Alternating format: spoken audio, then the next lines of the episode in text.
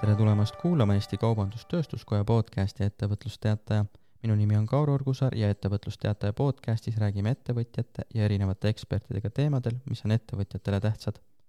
seekordse saate külaliseks on Elle Muuga, kes on personaliteemade konsultant ja koolitaja. Ellel on ligi kakskümmend aastat töökogemust personalijuhina ning tema tööülesannete hulka kuulus peale personalijuhtimise ka tööohutus ja riskijuhtimise valdkond Ellega räägime ettevõttest lahkumise protsessidest ehk offboarding ust ning sellest, kuidas seda läbi viia nii, et kõik osapooled jääksid rahule. head kuulamist! tere, Elle! tere, Kaur! räägime täna offboarding ust ja ma kohe alustangi sellega, et mida see offboarding üldse tähendab? Offboarding on protsess ettevõttes, kus äh, saadetakse töötaja töölt ära. et äh, mina nimetan seda osaks ettevõtte kultuurist. et iga lahkumine, iga tööle tulemine, see on osa ettevõttest. ja kui äh, töötaja lahkub, siis äh, see peaks olema ka juba välja kujunenud, kas on vaikimisi või on ta juba protsessina paberi peal. aga mis tähendab protsessina paberi peal, et miks me üldse räägime offboarding ust, et seaduse mõistes on ju väga lihtne, et on erinevad põhjused ja noh, seal see töösuhe lõpeb. Äh, üks on seadused, et mida paberi peal peab paika panema, aga teine on, nagu ma ka ütlesin enne, et ettevõtte kultuuri osa, et kuidas suhtutakse töötajasse sel hetkel, kui tema näiteks teavitab, et ta, ta soovib lahkuda, et tegelikult see offboarding'u protsess algabki sellest, kui on otsus tehtud. kas on töötaja poolt see otsus tehtud, et ta lahkub ettevõttest, või on ettevõte teinud selle otsuse, et ta, ta saadab äh, mõne töötaja ära. kas selles raamistikus on siis onboarding ja offboarding ka kuidagi seotud omavahel? minu jaoks on nad ka nagu kaks noolt, üks on suunaga ettevõttesse sisse teine on suunaga ettevõttest välja. et äh, nad ei ole täpselt samad asjad. üks on võib-olla see, et äh, seal see töötajaskond hakkab vastu võtma uut inimest äh,, kohanemine, kõik muu. aga väljumise puhul on äh, see, et noh, no sama, tegelikult ettevõtte töötajatel on sama, nad peavad kohanema, et ühte töötajat enam ei ole aga, aga protsessi mõttes äh, on see siiski, on erinev kui sind äh, intrigeerida, siis me võiks öelda niimoodi, et you are hired and you are fired, et miks mul vaja rohkem mingisuguseid tegevusi sinna juurde on? kui ettevõtte kultuuris on see sees, et äh, neil mõlemal väljendil on äh, hea positiivne taust, siis see võib jäädagi, sest see vaikimisi võib olla need protsessid juba paigas. ettevõte, kus on vähemalt üks töötaja lahkunud, on juba vaikimisi mingi põhimõte olemas offboarding ul kas see on paberi peal kirjas olnud, kas on lähtutud ainult äh, seadustest või äh, seadused pluss veel ka omalt poolt, äh, ütleme, inimlikus mõttes juhi, juhi käitumine. kust kohast offboarding nii-öelda alguse saab, et mis on see esimene punkt?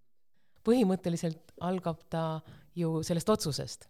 -hmm. kas see on siis protsessi algus ka või need on erinevad äh,? protsessi algus tegelikult algab sellest, kui hakatakse mingi ülesanne antakse, kas antakse paber või antakse personal, ütleme ettevõtte poolt antakse personalijuhile noh, käsk või ülesanne, et valmista ette lahkumispaberid.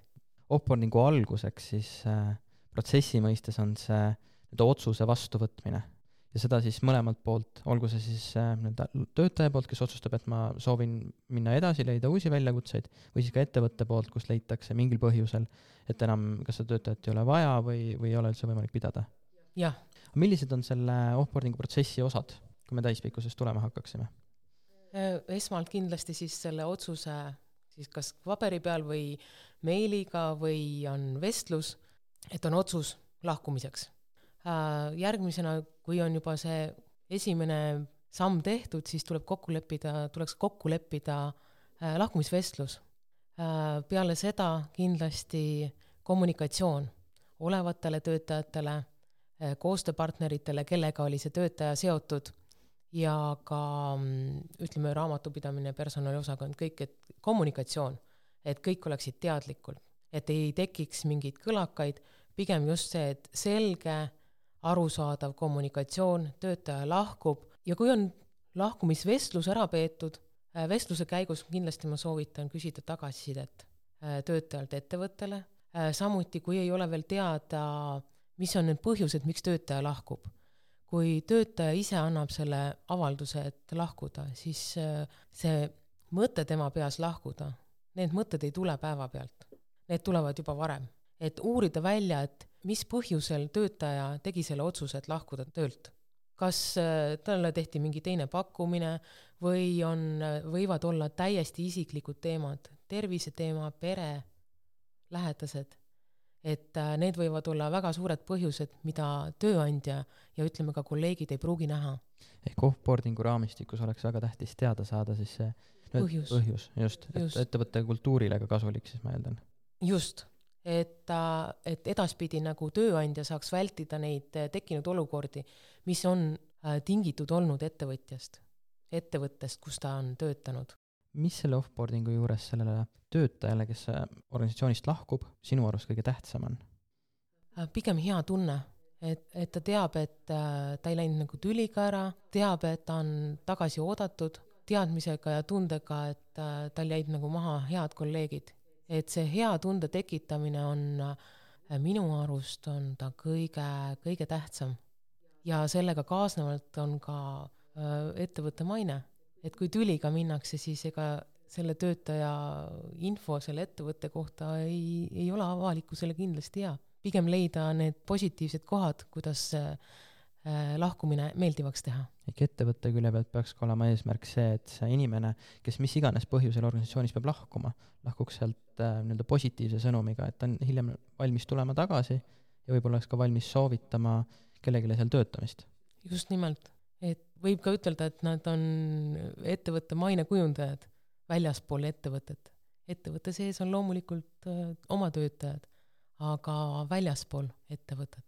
kas offboarding siis lõpeb äh, selle hetke, kui see inimene on organisatsioonist lahkunud?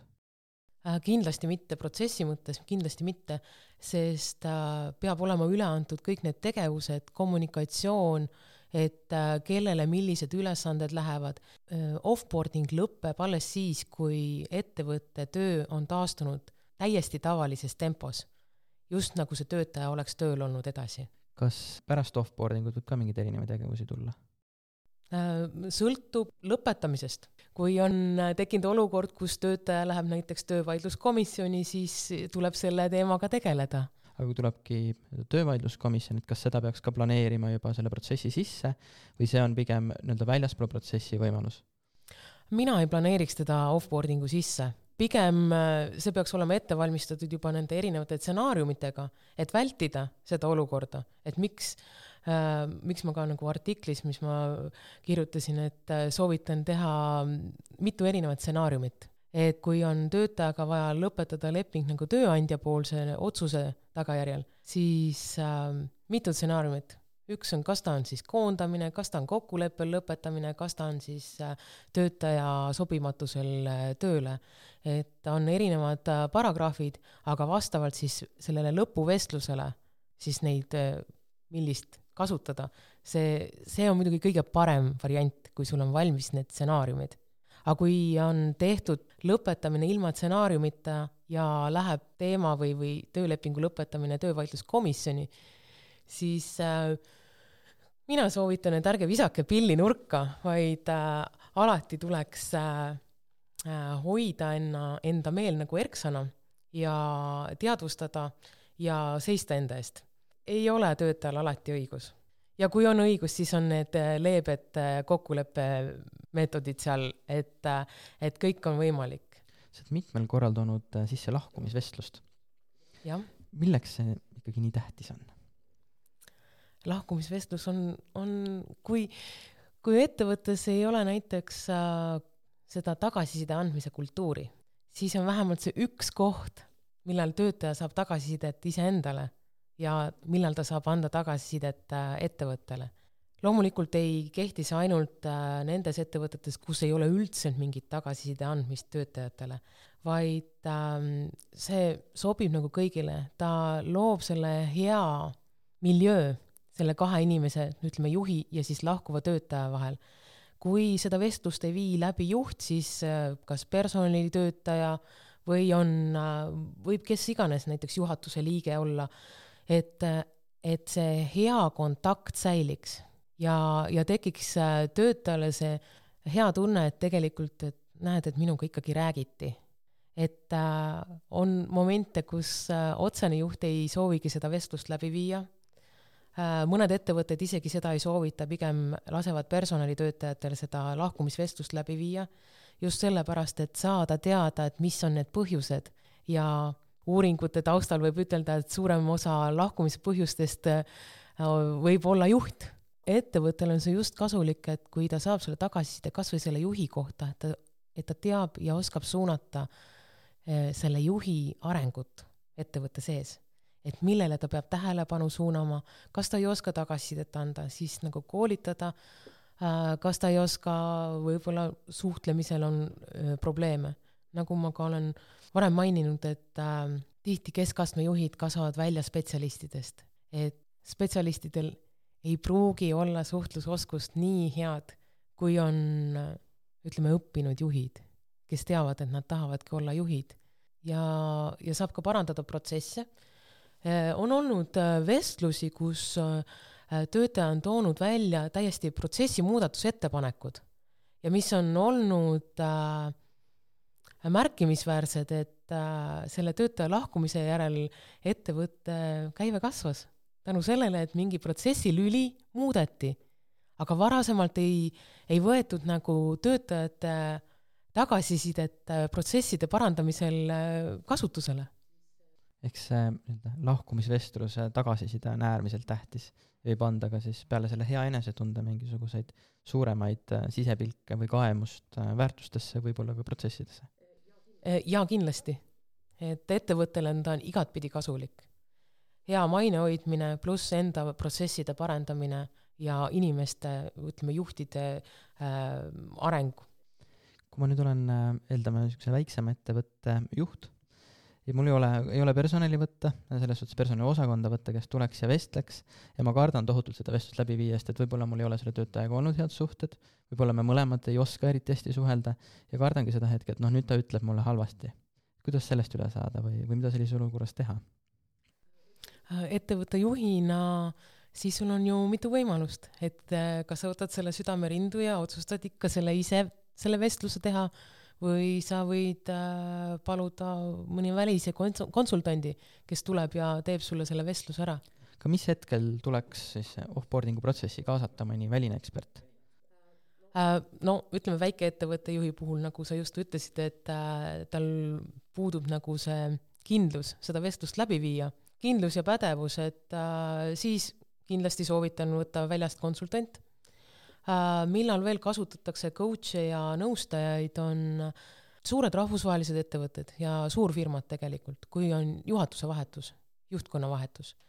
et äh, kui ütleme, osanikud on äh, otsustanud, et või, või aktsionärid, et juhatus tuleb nagu vahetada, kõige nagu turvalisem, ütleme, sellele osanike, aktsionäride nagu otsusele juhtkonda vahetada, on kaasata siis äh, väline nõustaja, spetsialist, konsultant, coach, äh, see sõltub, äh, mida täpselt nagu silmas peetakse, millises protsessi osas nagu neid vajatakse.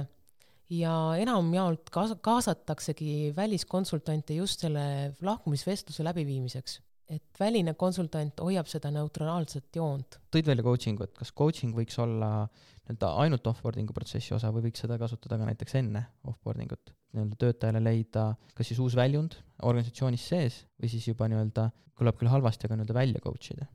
jah, pigem soovitus coach'i puhul on äh, juba enne kaasata, et kaasata coach sellele juhile, et coach'i abiga mm, saaks see juht või, või ka töötaja, võib ka töötajat kellel on nagu arengusoovid ja kui ettevõte ei suuda nagu, ta näeb, et ta ei suuda tagada selle inimese nagu ambitsioone ja arengut, siis on äh, võimalus tõesti kaasa coach, coach aitab suunata seda töötajat, et äh, aru saama, mis on tegelikult tema soovid. Ja, ja sealt juba töötaja ise saab nagu leida nagu need lahendused, et kas ta soovib ettevõttest välja astuda või äh, ta saab ettevõtte sees, ta näeb mingeid äh, arengukohti, kus ta saaks edasi areneda. aga juhtkonna mõttes, kui on juhtkonna vahetus, siis äh, kui on päevapealt vahetused, siis pigem soovitan konsultanti. aga kui on juba teada pikemaajaliselt ja, ja ütleme, see juhtkond või juht, kellega tuleb see lahkumine läbi viia, on avatud meelega ja tõesti nagu suunatud arengule, siis äh, pigem kaasata coach, kes äh, aitab sellel juhil endast paremini aru saada ja võib-olla ka suunata siis äh, läbi selle töötaja, ütleme, juhi enesekaemuse siis teha neid järgmisi samme. me oleme nüüd rääkinud hästi palju sellest, mida tuleks, mida võiks teha offboarding'u raames, aga kas on mingeid asju, mida kindlasti teha ei tohi või mida peaks vältima? vältida tuleks kindlasti negatiivseid emotsioone. aga negatiivne emotsioon on ju seal kohe olemas, seal võibki olla see, et noh, töötaja kaotab ju töö, tema jaoks vähemalt mingis raamistikus on see ju halb asi, et võib ka ju juhi jaoks olla olukord, kus sul on tiimis seda inimest on vaja, ta otsustas nüüd ise ära minna. mitte välja näidata seda. jah, iga lahkumine on stressi taustaga, kas see on töötaja poolt algatatud või on tööandja poolt algatatud ikkagi ta tekitab väikest stressi, ootamatut olukorda, ettenägematuid äh, võib-olla vestlusi, mis iganes, mis ei pruugi olla meeldiv. aga juhina või personalitöötajana või, või selle vestluse jooksul, selle vestluse läbiviijana kindlasti väldi pettumuse näitamist, väldi negatiivseid sõnu, pigem hoida nagu positiivset joont et läbi vestluse hoida positiivset, kui töötaja muutub negatiivseks, siis otsi need positiivsed punktid välja või need olukorrad, kus sa mäletad või tead, et äh, see töötaja nagu esines väga hästi. kui töötajad lahkumisvestluse ajal äh, läheb endast välja, siis äh, olla pigem nagu rääkidagi, mille eest äh, ettevõte on tänulik. suurendada või siis kinnistada seda positiivset emotsiooni pigem. just. kas on veel midagi, mida ei tohiks teha? või ongi pigem see nii-öelda emotsionaalse stabiilsuse või tooni hoidmine kõige tähtsam selle juures siis? emotsioonid, et hoida positiivsena, kui me lähme negatiivsete emotsioonide juurde või negatiivsete sõnumite poole, siis äh, see ju kahjustab ka ettevõtte mainet, et hoida nagu ettevõtte neid töötajaid, kes jäävad, sest töötaja suhtleb ikka edasi ma olen täiesti kindel, et iga töötaja suhtleb kas või, kas või ühe töötajaga, endise kolleegiga ja see võib hakata õõnestama tegelikult äh, alles jäävaid töötajaid. ehk ta on ikkagi ettevõtte brändi raamistikus äh, väga tähtis, see lahkumineku protsess ja siis selle tulemus maine mõttes küll kindlasti. siin hiljuti suhtlesin tegelikult Instari tegevjuhiga, Kersti Vanasega ja tema, tema sõnum on ju igale poole see, et äh, iga töötaja, kas ta on lahkunud või ta on olev töötaja või isegi tulev töötaja on brändisaadik ettevõttele. tema soovitustel võiks teha tegelikult soovitusindeksi küsitlusi ettevõtte töötajate seas ja ka lahkunud töötajate seas. kui inimene lahkub, siis küsida seda üle ja kui on säilinud kontaktid töötajaga, et ka isegi aasta peale näiteks töölt lahkumist, et kas ta endiselt soovitaks seda ettevõtet kui tööandjat. mida sa soovitaksid täna ettevõttele või ettevõtjale, kellel ei ole veel ühtegi sellist kogemust, võib-olla ka ei, ei pruugi tulla, eks ju, aga peab hakkama tegelema offboarding uga, et kust alustada? esimese asjana kindlasti vaadata üle, mis on ettevõtte sisene kultuur, et äh, kuidas on suhtumised töötajate lahkumisse.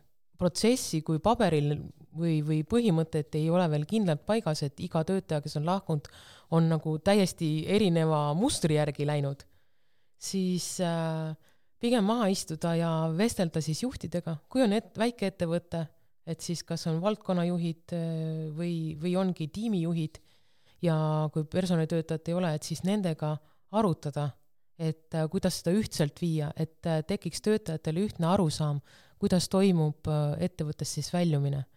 kui aga on personalitöötaja olemas, kes on ainult nagu ütleme, paberite vormistamise jaoks ja, ja tööaja kirjapanekuks ja ja ka võib-olla puhkuseavalduste vastuvõtmiseks, käskkirjade koostamiseks, et et läbi rääkida ka personalitöötajaga, et kuidas võiks olla see kõige sujuvam protsess ettevõttes, et kui töötajad lahkuvad.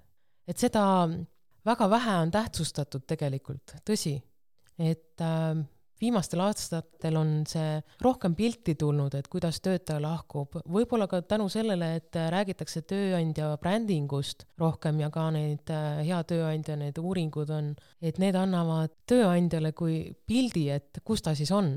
aga samas, kui, kui on ka see maine hoitud just selle läbi nende endiste töötajate, siis äh, see on ju ainult plussiks. ma tahaks tegelikult tuua ühe näite enda kogemuspagasist, just sellest, et mis on hea offboarding, et, et kuidas, kuidas töötajad võivad tagasi tulla. töötasin ühes suurettevõttes, kus äh, üks osakonna juhataja, hästi tubli noormees, talle tehti pakkumine teisest ettevõttest ja ta soovis lahkuda. esimese hooga ma personalijuhina mõtlesin, et nii, mida tegevjuht mõtleb selle peale, et noh, et hea töötaja lahkub niimoodi. aga tegevjuht käitus hästi, hästi toredalt, toetavalt ja, ja tegelikult me saatsime selle töötaja hästi soojade sõnade, lillede kallistustega, kontaktid säilisid sellise positiivse emotsiooniga ära. Läks mitu aastat mööda see endine töötaja oli tegelikult ka seal teises kohas karjääri teinud, ennast arendanud, mida tegelikult ettevõttes me, meil ei olnud võimalik nagu pakkuda, seda arengut, mida ta oli nagu soovinud. see oli kolm aastat peale seda, kui ta oli lahkunud, äh, tekkis meil ettevõttes äh, selline positsioon, kuhu me saime teda tagasi kutsuda just selle uue kogemuste pagasi ja arenguga ja pakkuda talle kõrgemat palka ja paremat nagu hüvitiste nagu paketti ja see töötaja rõõmuga tuli tagasi et äh, see on selline nagu hästi hea ja, ja soe nagu näide, et, et kõik sõltub sellest, kuidas sa inimese ära saadad, sest teisel hetkel on ta ju uuesti sinu töötaja ja võib-olla veel väärtuslikum, sest et ta on vahepeal korjanud hoopis teisest ettevõttest mingid väärtused kokku arengu enda jaoks, pluss ka nagu oskuste areng. see oli hästi-hästi positiivne. eks neid sidemeid tuleb igatepidi hoida ja sellepärast nad võivad aastate pärast tuua väga suurt kasu. jah, kui, kui mitte nagu töötaja, kes tuleb tagasi, vaid pigem võib-olla kui soovitaja ja kes soovitab, et jah, sa võid minna sinna, seal on nagu tore meeskond, seal on toredad juhid. eriti väike ühiskonnas, nagu meil Eesti on. jah, just küsin ka sellise keerulisema küsimuse, et tihtipeale, eriti väikeettevõtetes on see osakord, kus sa võtadki tööle mõne sõbra ja võib-olla võtad tuttavaid ja ühel hetkel on mingisugune kas just probleem, aga noh, on vaja offboarding protsessi alustada selle sõbra või selle tuttavaga, kuidas sellises olukorras toime tulla, kus sa peadki kas siis juhina, eeldame, et sul ei ole võimalust kedagi teist äh, võtta, temaga tegelema ja, ja paluma tal siis organisatsioonist lahkuda? jah, mina pean tunnistama, et mina olen isegi ühes ettevõttes äh, pidanud oma sugulase äh, lahti laskma äh,. tuleb jääda hästi faktipõhiseks et kui neid vestlused tuleb, siis tuleb hästi konkreetne faktipõhiselt, miks. ja emotsioone, igasuguseid emotsioone vältida. Pigem tuua välja need positiivsed asjad, mis oli tehtud, mis oli hästi, kui on lahkumiseks, ongi nagu negatiivne põhjus, siis jääda faktipõhiseks. Just a business nagu öeldakse, see ei ole küll hea väljend, aga, aga just a business. sellistes olukordades lihtsalt ei ole muud teha. selge, aga suur tänu jälle, et sa tõid äh, natukene valgust sellesse pigem nii-öelda peidetud maailma, millest paljud rääkida ei taha, aga tegelikult millega peaks väga aktiivselt tegelema. Jah, sellele tuleks rohkem tähelepanu pöörata, eriti kui ettevõttel on soov nagu areneda ja pikaajaliselt turul olla. aga aitäh sulle! palun, järgmiste kohtumisteni!